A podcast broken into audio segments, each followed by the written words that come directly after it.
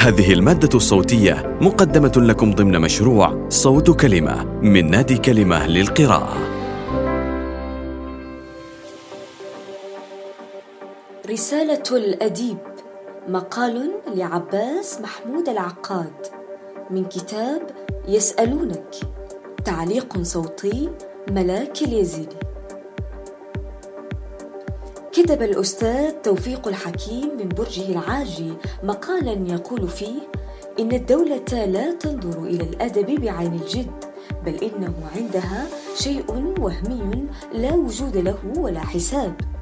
ثم يقول إن انعدام روح النظام بين الأدباء وتفرق شملهم وانصرافهم عن النظر فيما يربطهم جميعهم من مصالح وما يعنيهم جميعا من مسائل قد فوت عليهم النفع المادي والأدبي وجعلهم فئة لا خطر لها ولا وزن في نظر الدولة وكتب مقالا آخر يسأل عن أدبائنا المعاصرين هل فهموا حقيقة رسالتهم؟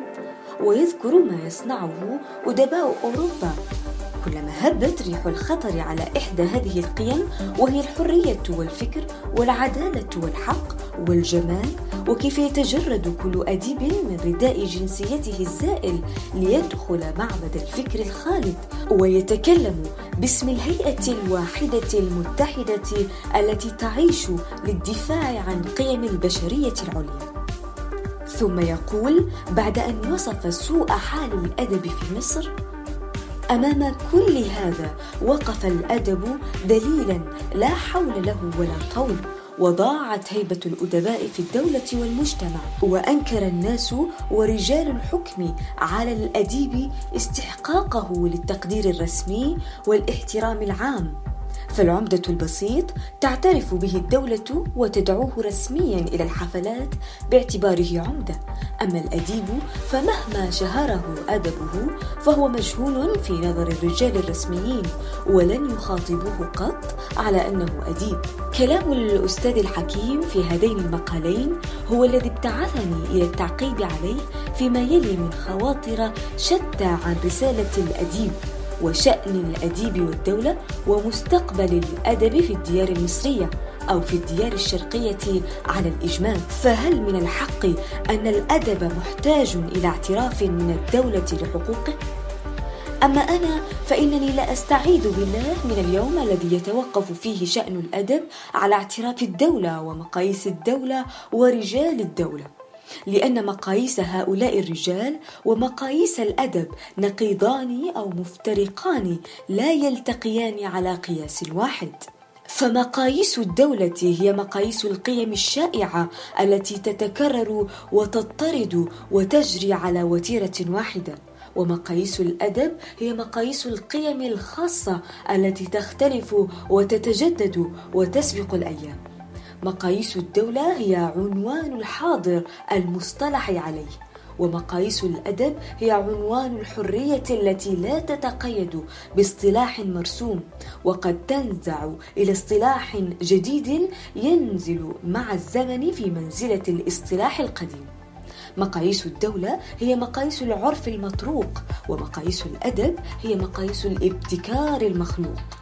مقاييس الدولة. هي مقاييس الأشياء التي تنشئها الدولة أو تدبرها الدولة أو ترفعها الدولة تارة وتنزل بها تارة أخرى. ومقاييس الأدب هي مقاييس الأشياء التي لا سلطان عليها للدول مجتمعات ولا متفرقات. فلو اتفقت دول الأرض جميعا لما استطاعت أن ترتفع بالأديب فوق مقامه أو تهبط به دون مقامه. ولا استطاعت أن تغير القيمة في سطر واحد مما يكتب ولا في خاطرة واحدة من الخواطر التي توحي إليها تلك الكتابه ومن هنا كان ذلك العداء الخفي بين معظم رجال الدولة ومعظم رجال الأدب في الزمن الحديث على التخصيص. لأن رجال الدولة يحبون أن يشعروا بسلطانهم على الناس ويريدون أن يقبضوا بأيديهم على كل زمام فإذا بالأدب وله حكم غير حكمهم ومقياس غير مقياسهم وميدان غير ميدانهم وإذا بالعصر الحديث يفتح للأدباء بابا غير أبوابهم وقبلة غير قبلتهم التي توجه إليها الأدباء فيما غبر من العصور. ولو بلغنا إلى اليوم الذي تعترف فيه الدولة بالأدباء لما اعترفت بأفضلهم ولا بأقدرهم ولا بأصحاب المزية منهم. ولكنها تعترف بمن يخضعون لها ويرضون كبرياءها ويهبطون أو يصعدون بغضبها أو رضاها. ولسنا في مصر بدعا بين دول المغرب والمشرق. فما من دولة في العالم تعترف بأمثال برنارد شو وبرتراند راسل ورومان رولان كما تعترف بالحثالة من أواسط الكتاب. هذا عن الأدب وشأنه المعترف به بين رجال الدولة.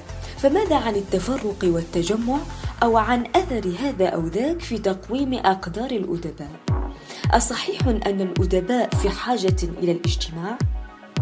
أنفع من هذا وأقرب إلى تبيين الصواب أن تسأل هل صحيح أن شاعرين يشتركان في نظم قصيدة واحدة؟